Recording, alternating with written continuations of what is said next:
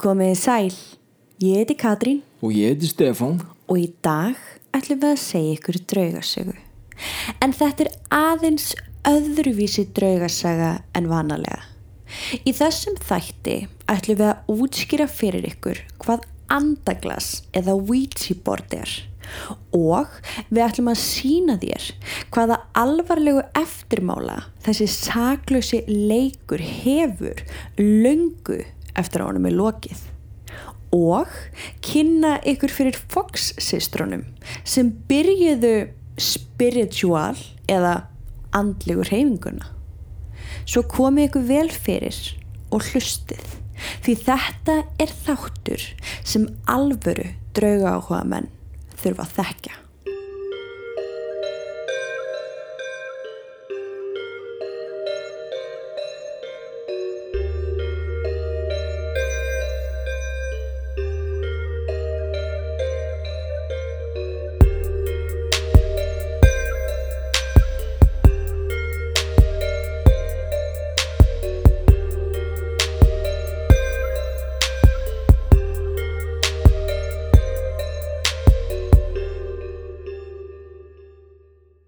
Það hafa margir Íslendingar á einhverjum tímapunkti farið í andaglas eða gælt við hugmyndina að prófa og kannski manað hvort annað að fara í það sem virðist bara vera saklaus leikur.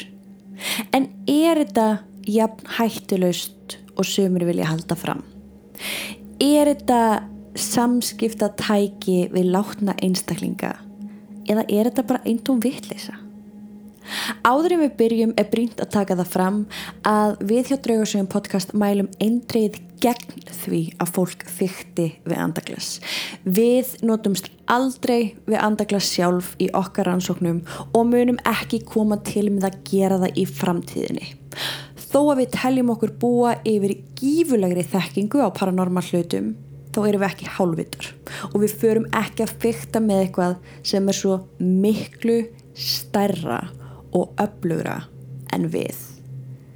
Eftir að hafa sagt þetta þá er best að taka það fram að þó við ætlum að útskýra fyrir ykkur í þessum þætti hvernig andaglas virkar og hvaða afleiðingar það getur haft ásamt því að koma með nokkrar sögur sem tengjast andaglasi þá ætlum við ekki að útskýra fyrir ykkur skref fyrir skref hvernig á að nota andaglas. Við gerum okkur fyllilega grein fyrir því að fólk getur auðveldlega googlað þessa hluti og fengi upplýsingar þannig ef það hyggst ætla að vera já, auðlar og prófa hennan leik innan mm -hmm. gæsalappa. En þá skulle ég bara gera það. Draugarsögu podcast ætlar hins vegar ekki að byrja ábyrð á þessu fyrktri ykkar með því að kenna ykkur hvað skal gera. Við viljum einni benda á að þessi þáttur er mögulega ekki við hæfi barna en við treystum foreldrum að taka ákverðun um það. Uh, við munum líka koma til með að nota bæði íslenska og enska orðið sem sagt andaglas og Ouija board en það þýðir nákvæmlega það sama en stundum passar bara enska orðið betur við svona þegar við förum í söguna. Já, förum aðeins dýbra í þetta. Akkurat, vegna þess að hér á Íslandi er andaglas aðeins öðruvísi en í rauninni allstaðar annarstaðar Já, við notumst við glas og oft stórt blað eða spjald með stöfum á en allstaðar annarstaðar í heiminum er notast við sérstakt borð og á þessu borði er skífa sem er síðan notu mm, í staðan fyrir glasið sem við vanlega. Akkurat En þetta er líka bara típist dæmi um það að það er bara allt öðruvísi á Íslandi Jú, jú. Ég er ekki einu sinni vissum að maður geti fundið Ouija board hér Na, það eru bara kannski nokkur svona alvöru kuklarar sem eiga kannski mögulega eitt, tvö sem að sem að fara niður í ættir eða keift sér á netinu. Já, en ég veit ekki um neina verslun hérna sem selur slíkt ef þið vitið um eitthvað með endilega láta ykkur vita bara upp á forvitnuna Já, En byrjum þáttinn á sögunni um Fox systurnar ok, skellum okkur í þetta. Ein mesta trúar reyfing eða spiritual movement 19. aldar hófst í svefnherbergi tveggja ungra stúlkna sem bygg á bóndabæ í Hydeville í New York. Árið 1848 sögðu Maggie Fox sem var 14 ára og Kate Fox sem var 11 ára mömmu sinni frá því sem þær var að upplifa á kvöldin. Þær sögðu að á hverju kvöldi áður en þær fara að sofa heyrðu þær bank á veggjum og húsgögnum.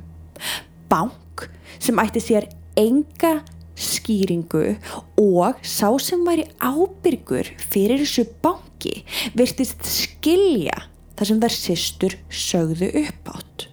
Og ég vil taka það fram, þær voru ekki endilega að tala um bara eitt lítið bank í veggin. Nei, Þær töluðu um að herbergið hristist stundum, harkalega. wow, ok Svo fast var þetta bank. Móðir þeirra var að sjálfsögðu Evins en hún sá hversu alvarlega þær systur voru svo hún ákvað að fylgja þeim inn í herbergi og sjá sjálf þar sem þær voru að lýsa. Þegar þær voru komnar allar inn í herbergi systrana þá kallar Maggie hátt. Teldu nú upp á fimm og um leið hristist herbergið og fimm þung högg kom á veggin. Teldu nú upp á 15 og það sama gerðist nema núna 15 sinnum. Því næst skipaði hún þessari ósynilegu veru að segja til um aldur móður sinnar og 33 böng heyriðust í kjölfarið.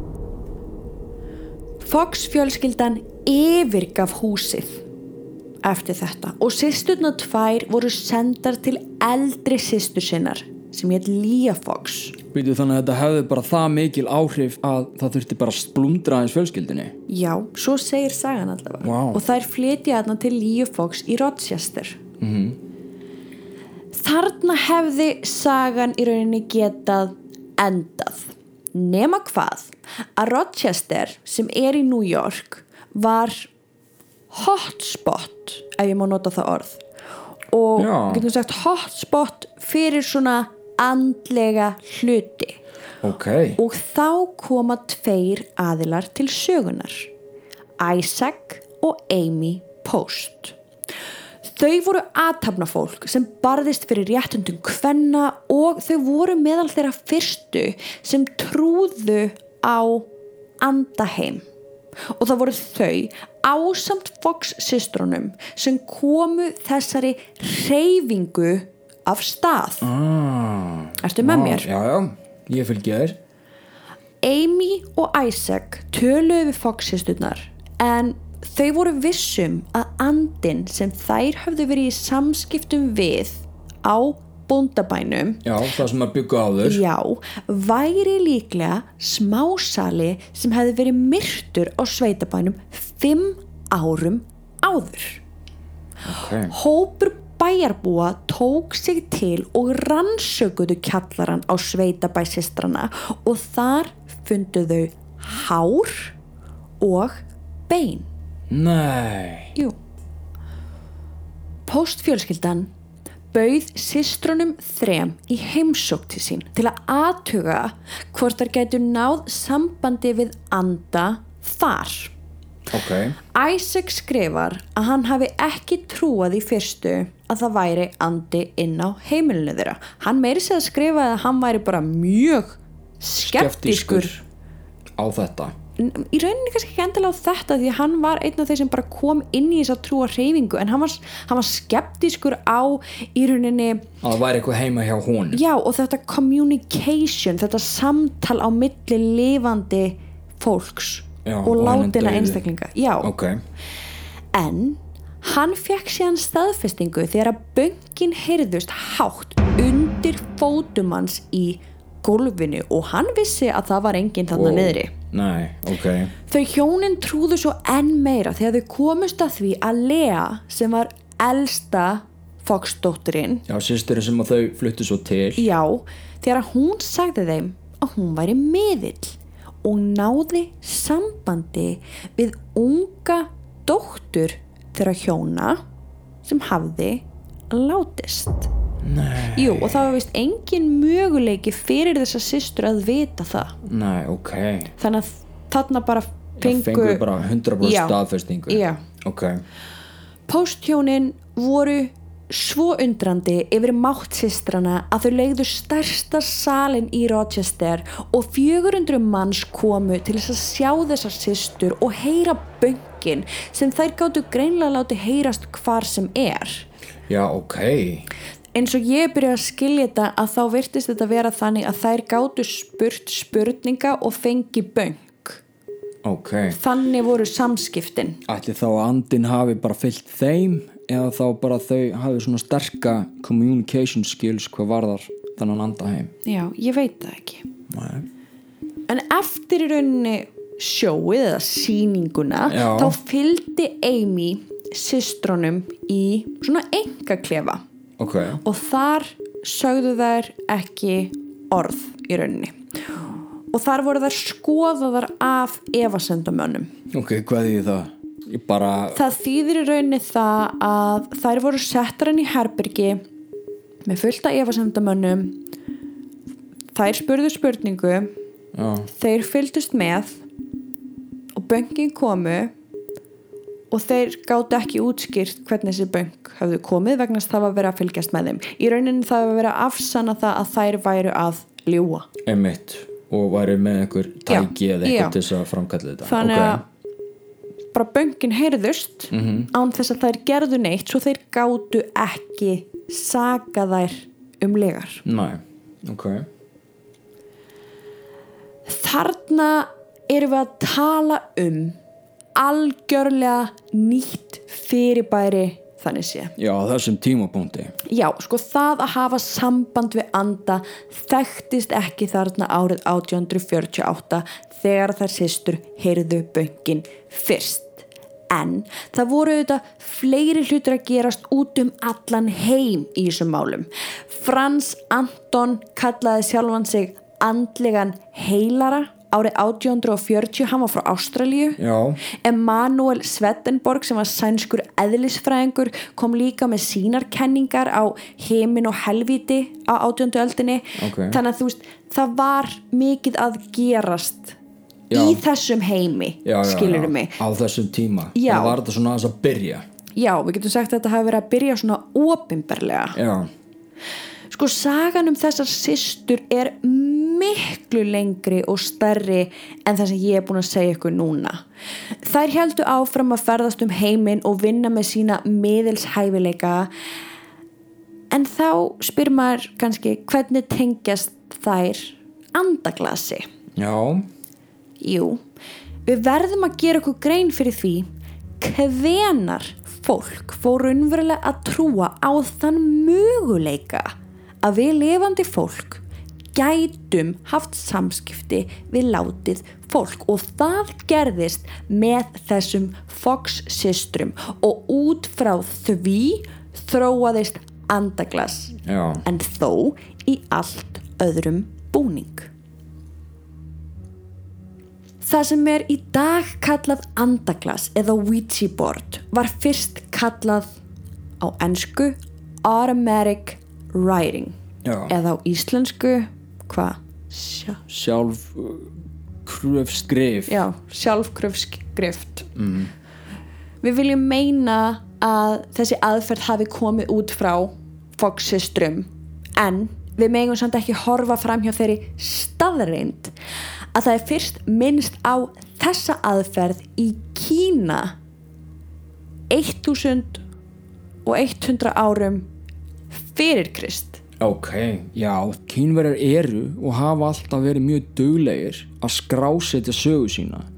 Og þetta bókstallega kemur fram í eldgömlum gögnum að þessi leið hafi verið notuð á þennan hátt til þess að ná sambandi við anda. Svo kannski var þetta komið fyrr, jafnvel -hmm. þó það hafi ekki verið opinbert. Akkurat. En sko þessi andlega hreyfing hún virkaði vel fyrir bandaríkjamenn á þessum tíma og ég er að tala um bandaríkjumenn af því við erum stödd þar Já. þar í rauninni kemur Weeds í borðið Fyrst fra- fram. fyrst fram sko. og munum á þessum tíma þá var meðaraldur fólks 50 ár já, hugsa sér Mhm. þú veist, það er bara, vá konur dóu við fæðingu börn úr sjúkdómum og menn dóu í stríði. Svo um leið og það var í rauninni félagslega samþygt að tala um andaheimin og fólk fór að fykta sig áfram í þeim efnum þá vildu allir taka þátt því jú, þetta voru rauninni bara ömulegir tímar. Já, þetta var ræðulegt Í borgarastyrjaldinni náði þessi andlega hreyfing fólki sem var örvæntingafullt og vildi tengjast ástfunnu sínum sem hafðu fallið frá. Meira segja Mary Todd Lincoln, forsetafrú, hjælt miðilsfund í kvítahúsinu eftir að elli var á sonur þeirra dó úr hita árið 1862. já, og, og sá sonur er vist ennþá ráðandi að nefn Já, við hefum eftir að taka fyrir kvítahúsi Það er rétt En á þessum tíma að þá var auðvitað enginn að spá í hvaða afleiðingar þetta kukl hafði í för með sér. Nei, En svo gjörð að reyna að ná sambandi við anda tók langan tíma. Fólk var að kalla stafrófið og býða eftir að heyra bank við réttan staf. Vá, ég vissi það ekki svo þið geti ímyndað ykkur hvað þetta var að taka langan tíma bara að fá eitt orð. Já. og einhvern veginn þorðingin að trúa að það væri mögulega hægt að tala við anda á einfaldari hátt.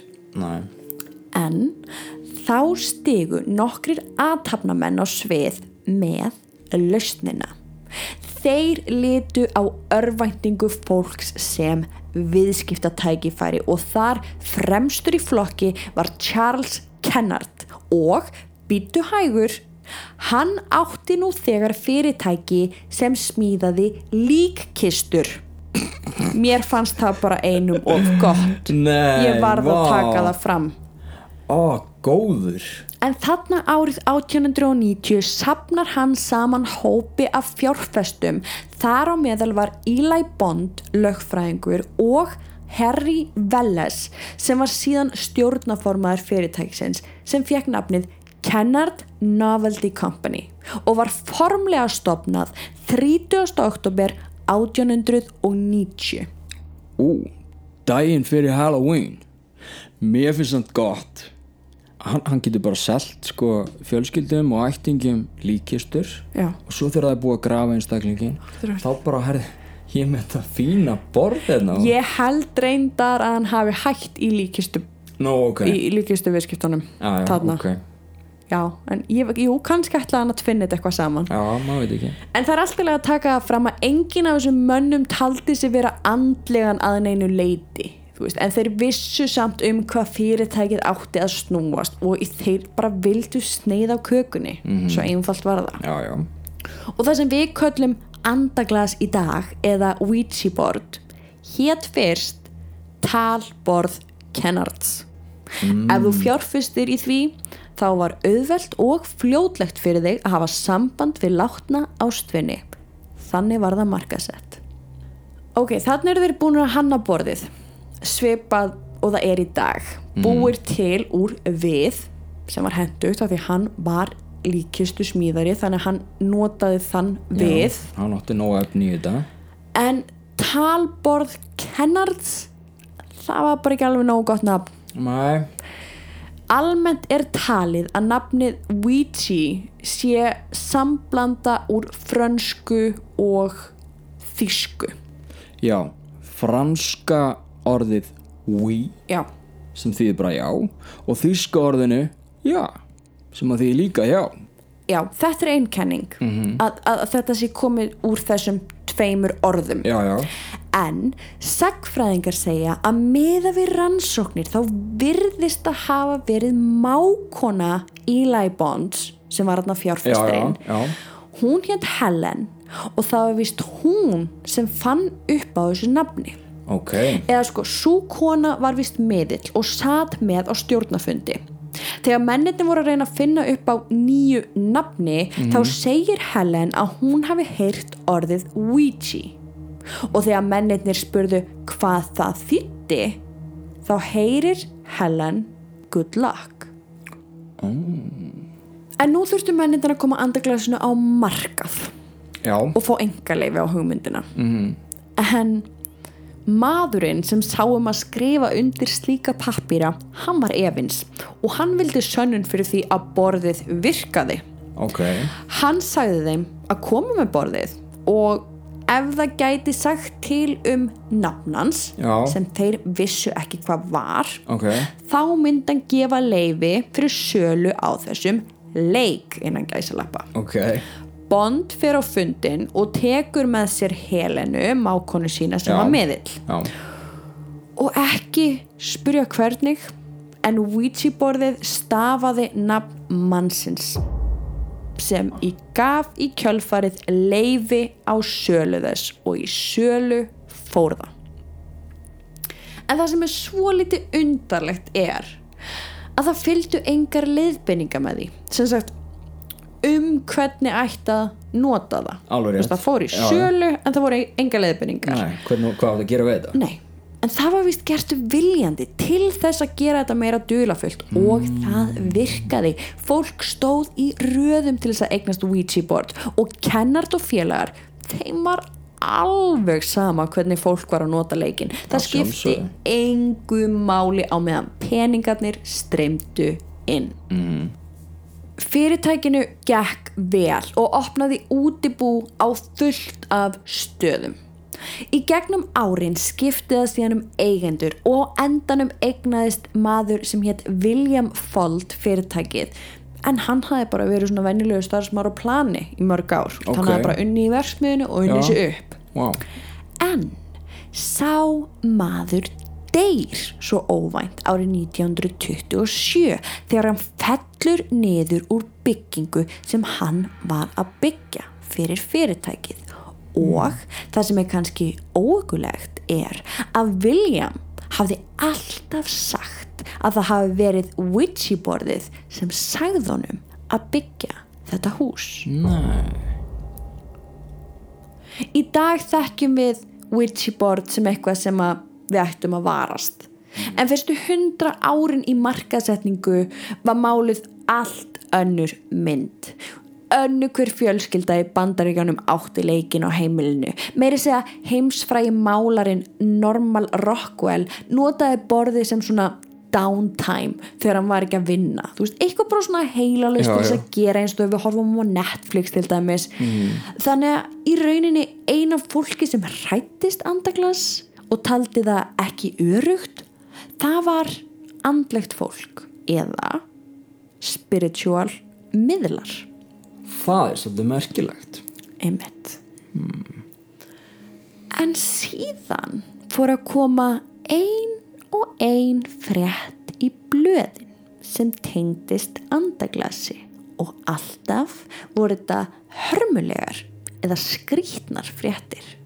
Árið 1921 greindi The New York Times frá því að kona í Chicago sem var send á geðsjúkrahús hafi reynt að útskýra fyrir læknum að hún þjáðist ekki af oflæti heldur hafi það verið Ouija borðið sem hafi sagt henni að skilja lík móður sinnar eftir í stofunni í 15 daga áður en hún var grafin í bakgarðinum.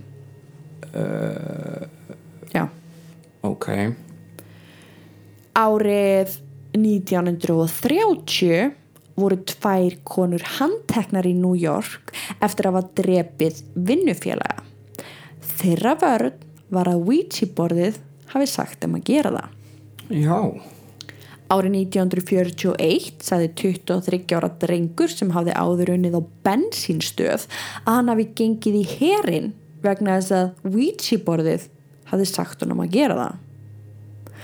Árið 1958 það er eiginlega best. Ok. Þá var rík konu, hún var mjög rík. Já. Hún deyr og hún erði allar sínar eigur og peninga til draugsin sem hún hafði verið í samskiptum við í gegnum andaglas. Þetta fór fyrir dóm þar sem þessu var vísa frá með þeim orðum að draugurinn hefði engan rétt á eigum konunar þrátt fyrir að erðarskráin sagði til um það.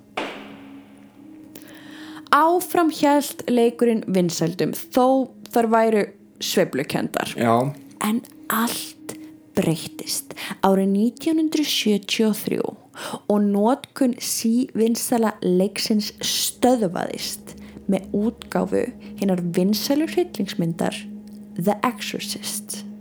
þekkjum hana öll Kvikmyndin var lauslega byggð á henni sönnu sögu um Roland Doe. Eins og alltaf þá var kvikmyndin stórkostlega íkt en hún fjallar um stúlku sem verður andsetinn eftir að hafa verið í andaklassi.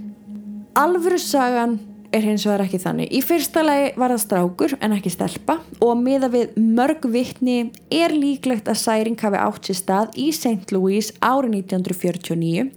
Foreldra drengsins fóru með honum frá Maryland til Missouri til að byrja með og hann var þá meðhöndlar á Alexian Brothers sjúkrahúsinu sko það var eitthvað að Roland eða Robbie eins og hann var líka kallaður annarkvort einhver tilfinningaleg vandamál, geðran vandamál eða eins og margir vilja meina eitthvað yfirnáttúrulegt. Hver þessi strákur er eða var, veit enginn. En það er raunin önnur saga sem það er búið að skrifa bók um þessa sögu, hún heitir Possessed eftir Thomas B. Allen. Þannig að fólk getur kíkt í þá bók ef það hefur áhuga á sögunni. Já. þetta er áhugaverð saga samt sko. Já, allavega, það er engin sönnun fyrir því og það þykir ólíklegt að Andaglas hafi átt einhvern þátt í raunverulegri sögu Rólands Dó þó það spilaði mjög stórt hlutverk í kvikmyndinni. En það var þessi mynd sem breytti algjörlega öllu sem tengdist Ouija bordi slagorðið á Ouija borðinu sem var upprunalega It's just a game, isn't it? var fljótlega breytt í. Don't play the Ouija board if you think it's a game. Já, eitthvað sem var eitt sinn bara saklus fjölskylduleikur var á einni nóttu bara tæki djöfulsins og fólk fór að brenna borðin sín sem þau áttu bara fyrir. En í rauninni það sem gerist núna þá var bara komin nýr markaðshópur Núna var andaglas orðið hættulegt og tengt ykkur hættulegu afli sem gerði að verkum að djöfladyrkandur fór að nota það grimt og annað fólk vildi prófa sig áfram. Vegna þess að salan mingaði ekkert í rauninni. Nei. bara annað fólk fór að kaupa það. Og núna fóru flestir að horfa á hana leik innan gæsalappa eins og andlegt fólk hafði alltaf hort á hann. Já, eitthvað sem maður ætti ekki að leika sér að og þannig er það en þá í dag Þetta er sagan um andaglas í stuttu máli og þið takið til ykkar það sem þið viljið. Eflust eru einhverjir sem eru að hlusta sem trúa ekki, síðan eru aðrir sem trúa, en hvort heldur sem er, þá er þetta sagan um hvernig andaglas þróaðist og komst á markað og hvernig það hefur breyst í gegnum árin. Ef þú hlusta reglulega á podcastu okkar þá hefur þú eflust heyrt nokkrar sögur sem tengjast andaglasi og þú hefur heyrt um Ed og Lorraine Warren. Þau eiga stór mál, Amityville, Enfield og fullt af málum sem að fólk þekkir eflaust til en það er kannski færri sem að veita að 90% af málum þeirra hjóna tengdust einmitt svona fykti að fykta með andaglas eða fykta með miðilsfundi eða reyna að kalla fram djöbla eða aðra orku. En eins og Ed segir þá er hægt að nota hvað sem er til að opna portal -hmm. eða svona aðra vitt andaglas er bara eitt af því auðveldasta. Eins og við sögðum áðan þá ætlum við ekki að útskýra fyrir ykkur hvernig andaglas virkar. En ef þú ætlar ekki að hlusta á okkur þá skaltu vera meðvituð eða meðvitaður um það að þú ert bókstaflega að bjóða hættunni heim og við vísum þá í söguna um backward fjölskylduna sem við gáum út fyrir áskrifendur. Ég held að þetta sé einn vinsalsta sagan sem við höfum gefið út fyrir Já, áskrifendur alveg by far sko. Þar, þar er lítil stúlka, hún byrjaði að tala með einhvern veginn gegnum andaglas, einhvern sem hún held að væri strákur og sama aldri, en þetta reyndist síðan vera djöfuli vera sem herrtók heimilið þeirra og þetta er sönn saga. Og ef þú heldur að þetta sé bara gerast út í heimi, þá hefur þú rámt fyrir þér. Við höfum fengið tölvupósta sem tengjast andaglasi og ræðilegum eftirmálum. Við ætlum ekki að fara nánar út í þann eitt, en þetta er að gerast hérna á Íslandi og þetta er að mistakast hér á Íslandi. Því þú veist í rauninni ekkit við hvernig þú ert að tala í andaglasi, svo einfalt er það. Þú myndir í rauninni aldrei opna út yfir að hörðina heima hjá þér og leifa hverjum sem er að ganga bara inn í húsið þitt. Nei, nefnilega ekki. Og það er nákvæmlega það sem þú ert að gera þegar þú ferði í andaglas. Annað sem að fæstir vita er að það þarf að loka andaglasinu þegar leikurinn innan gæsalappa er búinn því annars ertu bara að skilja eftir opnar dyragættir Þú þarfst að segja það skýrt og greinilega að samskiptum sé lokið og færa skífuna eða glasið að goodbye. Því ef maður pælir í því, þá væri maður aldrei í einhverjum samræðu með einhvern einstaklingi kannski hálftíma og svo myndir maður bara standa upp og lappa út. Og í rauninni þetta á ekki bara við um andaglas. Þetta er eitthvað sem ég læriði þegar ég var tí ára. Veist, alltaf að sjá eitthvað sem aðri sáu ekki. Mm. það er hættulegt að opna dyr sem þú kant ekki að loka. Punktur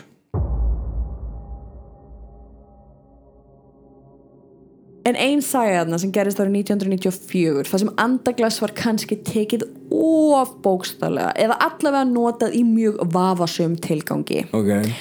Það var ennsku maður að nafni Stephen Young fundin segur um morð á tveimur einstaklingum, Harry og Nicola Fuller. Þegar dómurinn fjall taldi rannsóknarlauruglumadurinn Graham Hill að réttlæti hefði verið fullnægt. Hjónin höfðu fundist látin á gólfinu á heimili sínu. Föller sem var 45 ára var skotin í bakið og dó strax þegar kúlan gerði gat í hjartaðans. Konan hans lést eftir að hafa verið skotin fjórum sinnum þegar hún reyndi að flýja morðingja sinn. Young skaut síðustu kúlunni í gegnum höfuðið á henni eftir að hún hafði skriðið að söpnherberginu og ringt á neyðarlínuna til þess að reyna að fá hjálp. Dómstólum hafði verið sagt hvernig Young, 35 ára, sem var bissu áhuga maður, hafði skoti parið á heimilisinu í Wathurst, austur, Sussex í februar. Ástafan var svo að hann þurfti peninga til að greið upp skuldir. Eftir að dómur var fallin kom fram í skýrslum að dómnemdin eða í rauninni kviðdómurinn hefði ráðfært sig við anda hinn að láttu á meðan þau voru lokuð yfir nótt í Old Ship hótelinu í Brighton. Að því að kviðdómurinn oftast lokaður af, má ekki hafa samskipti við Nei, neitt nei. og þar var bara ákveðin hópur meiri hluti hópsins, Já. meiri hluti kviðdómenda sem hafi bara búið til sitt eigið Ouija borð úr blöðum og þau notuðust við vinglas. Þau töldu sig hafa náð sambandi við Harry Fuller sem var fórnalambið í þessu máli. Einn úr kviðdómnum á að hafa spurt andan í glasinu hver draf þig og svari var Stephen Young gerði það. Þá spurðu þau hvernig og svarið var skot eða shot. Já. Þegar að kviðdómendur spurðu andan hvað þeir ætti að gera þá kom svarið hann er segur á morgun eða plea guilty tomorrow. Ok, wow. Eftir þetta spjall voru margir kviðdómendur bara eftir sig og þeir töldu sig að hafa gengið aðeins of langt sko, ég ætla bara að setja um link eh, að þið viljum vita meira um þetta mál og hvernig það fór Já. ég leifi linknum að fylgja með inn á heimasíðan okkar Við ætlum að enda hennan þátt með sannri sögu sem kemur frá stelpu sem heitir Jennifer Ok. Þetta er ein saga af þúsundum munið það og hvort sem þú trúir eða ekki þá er sagan samt óguleg. Þessi saga er um stelpu sem heitir Jennifer. Hún ólst upp á heimili þar sem draugar og slíkt var aldrei neitt feimnismál en það hafði hún séð á allt sitt líf. Mm. Hún segir að það hafi byrjað þegar hún var sex ára. Móður hennar var með myndir af Guði og Jésu á vegnum en það eina sem hún sá á þessu myndum var andlit djúfulsins.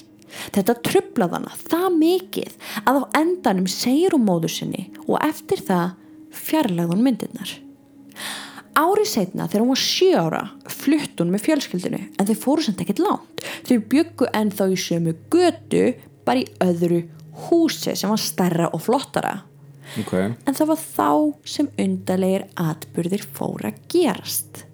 Þegar að Jennifer var 14 ára kom vinkonennar í heimsókn og hún sór að hún hafi séð dökkan skugga fylgja Jennifer eftir ganginum og henni fannst þessi skugga vera halda á nýf. Hmm, ok. Augljóslega þá var Jennifer mjög smeg eftir þetta Skiljanlega. og reyndi einhvern veginn að ganga með bakið að vegg hvert sem hún fór. Úf. Fólk sem kom í heimsókn sagðist sjá rauð glóandi augu gæjast út úr svefnherbygginu hennars en um leiðu fólk sá þau skelltist hurðin. Eftir smá tíma hættu vinir hennar að koma í heimsókn. Hún hætti líka sjálfa að sofa í svefnherbygginu sínu. Að því að alltaf þegar hún var þar inni þá gæti hún ekki sofi þannig að hún svaf frekar í sófanum inn í stofu. Wow, þannig að við erum að tala um bara alvarlega reymlega. Já, spólum nú áfram bara um nokkur ár. Jennifer er þarna orðin 18 ára og býr í Tennessee með þáverandi unnustu sínum Sam og móður hans Gail. Ok. Þetta var árið 1997. Eitt kvöldið dró mammans upp Ouija board. Jennifer leist ekkert á þetta en það hafði hún alltaf verið næm allt sitt líf Já, já, emitt, þekkir alveg til og svona. Já og þú veist og hún vissi alveg að þetta væri ekki, ekki gott Nei. í rauninni. En mammans talaði unga pari til og endanum þá samþyktu þau að prófa. En Jennifer segir að um leið og hún hafi lagt fingurinn á skífuna hafi henni byrjað að líða undarlega.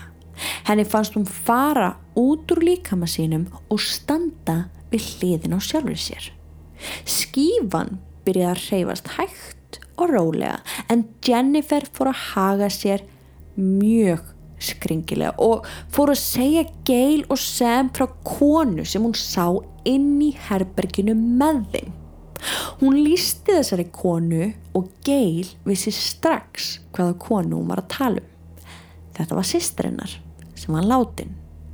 Gail spurði són sinn hvort að Jennifer hafði einhvern tíman sé myndast sýstu sinni eða vitað eitthvað um hana en Sam neitaði því. Síðan sagði Jennifer þeim frá annari konu sem sagðist heita Linda Ok. og bingo, það var önnur sýstrinnar Gail. Nei. En það var samt eitthvað öðruvísi núna. Jennifer sagði að það væri erfiðara að tala við Lindu af því hún væri einhvern veginn lengra í burtu. Eftir samtali við þessar tvær konur tekur Jennifer fingur sinn af skífunni og sama tíma er hún komin tilbaka inn í líkama sinn.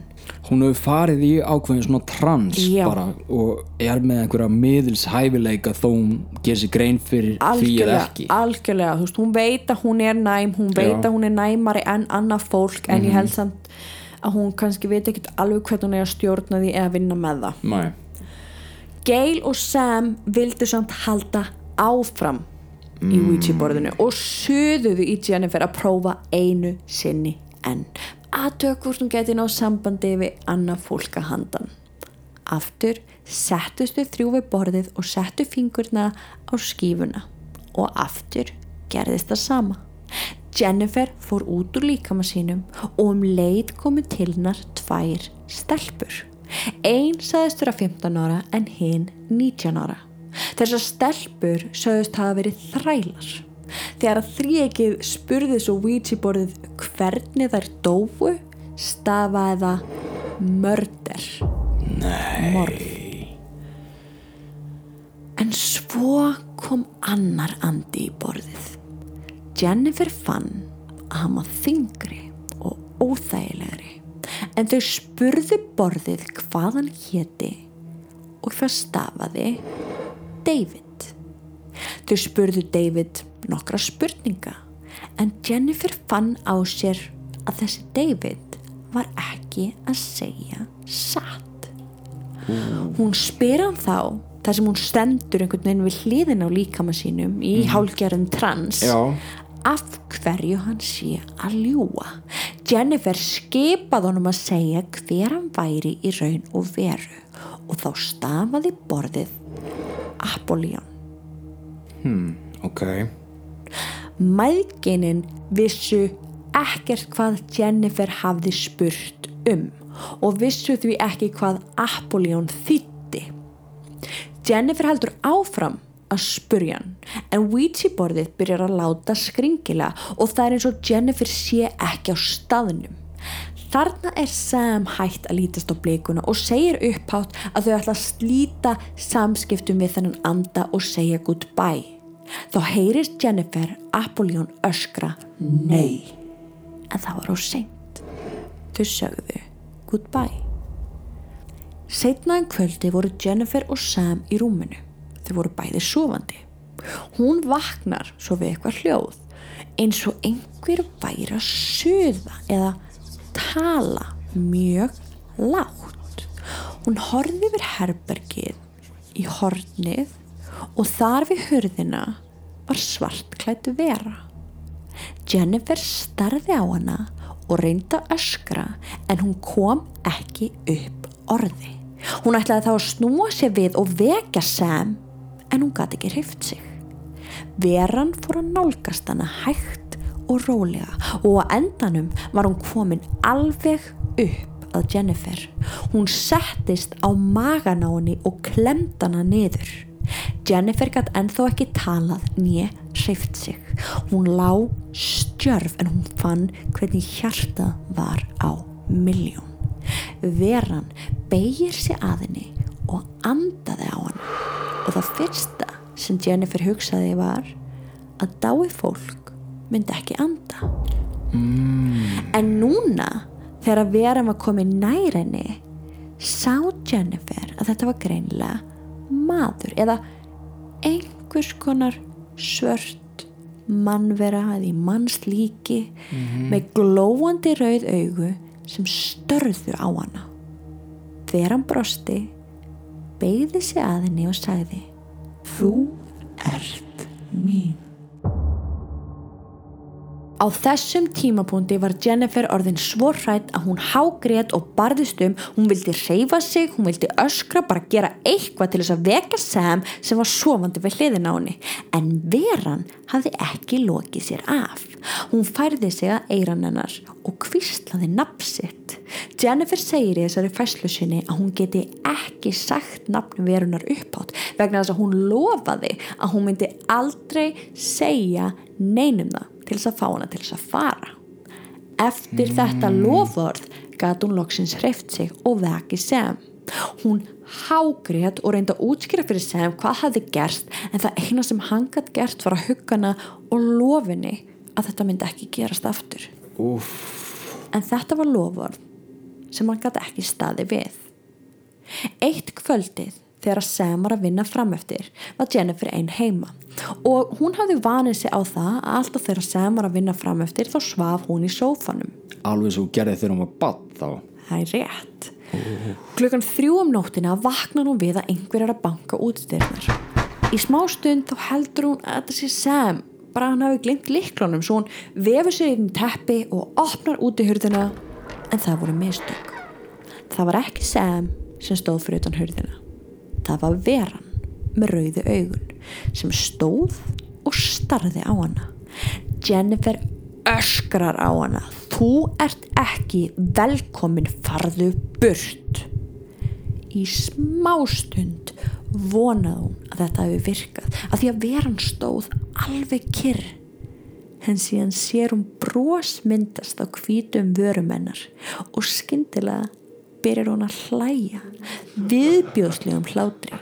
Og svo segir hún þú ert mín sama hvað það kostar. Jennifer styrluð úr ræðslu skellir hurðina á veruna sem kvarf í kjölfarið. Úf, Já, gleymum líka ekki, þetta er, sönn, þetta er í alvörunni stelpa að segja svo sögu. Sem að lendi í þessu Já Nokkrum mánuðin setna flutti Jennifer og Sam í annað húsnæði. Ok, og Jennifer hafði ekki séð veruna síðan þau fluttu. Og einhvern veginn innst inni þá reyndi hún að telja sjálfur sér trúum í rauninni bara að þetta hafa aldrei gerst. Þú veist, hún reyndi að gleyma þessu. Já, já. og einhvern veginn um tíma þá gekk það. Henni fór að líða betur og hún gæt mér þess að sofi í svefnarbygginu þó að Sam var að vinna fram eftir. Þetta var í rauninni bara áfall og áfall að streyta Já, sem að fylgja já. kjölfarið. Og svo var hún að ná einhverjum tímapunkti búin að vinna sig upp úr því. Já, akkurat. En svo gerist það. Nótt eina. Veran byrtist aftur. Jennifer sá hana húka í eldúshorninu þegar hún var að fá sér vasklas hún fann fyrir verunni. Hún fann að hún var reið og allt í einu öskrar hún. Þú fóst Jennifer stóð stjörf. Já, hún fór. Hún flutti. Ég hef verið að leita að þér. sagði veran. Og skyndilega svífur hún að Jennifer tekur hana hálstæki og hendur henni upp á vegnum hún heldur henni frá gólfinu og þetta gerðist allt svo hratt að Jennifer var vissum að þetta væri endurinn. Hún var að fara að deyja. En þá kemur Sam inn í eldúsið og sér þar Jennifer upp á vegnum og um leið sleppir veran takin á Jennifer og hún fellur í gólfið eftir þetta atvik fór allt niður á við. Apollyon eða þessi vera fór að byrtast oftar og oftar. Það var eins og hann væri öfundsjúkur maki af því hann byrtist alltaf þegar Jennifer og Sam voru að gera eitthvað saman. Ótrúlegt en satt þá byrjaði Jennifer að venjast honum. Þú veist, auðvitað er ekkert eðlilegt við það en hún vissi einhvern veginn af honum allstaðar en Jennifer leysandi alltaf illa og þetta smitaðist yfir á samband hennar við Sam. Hún fór að fjallaðast hann af því að hún vildi ekki sjá veruna sem byrtist alltaf þegar hún var með Sam. Eðlilega.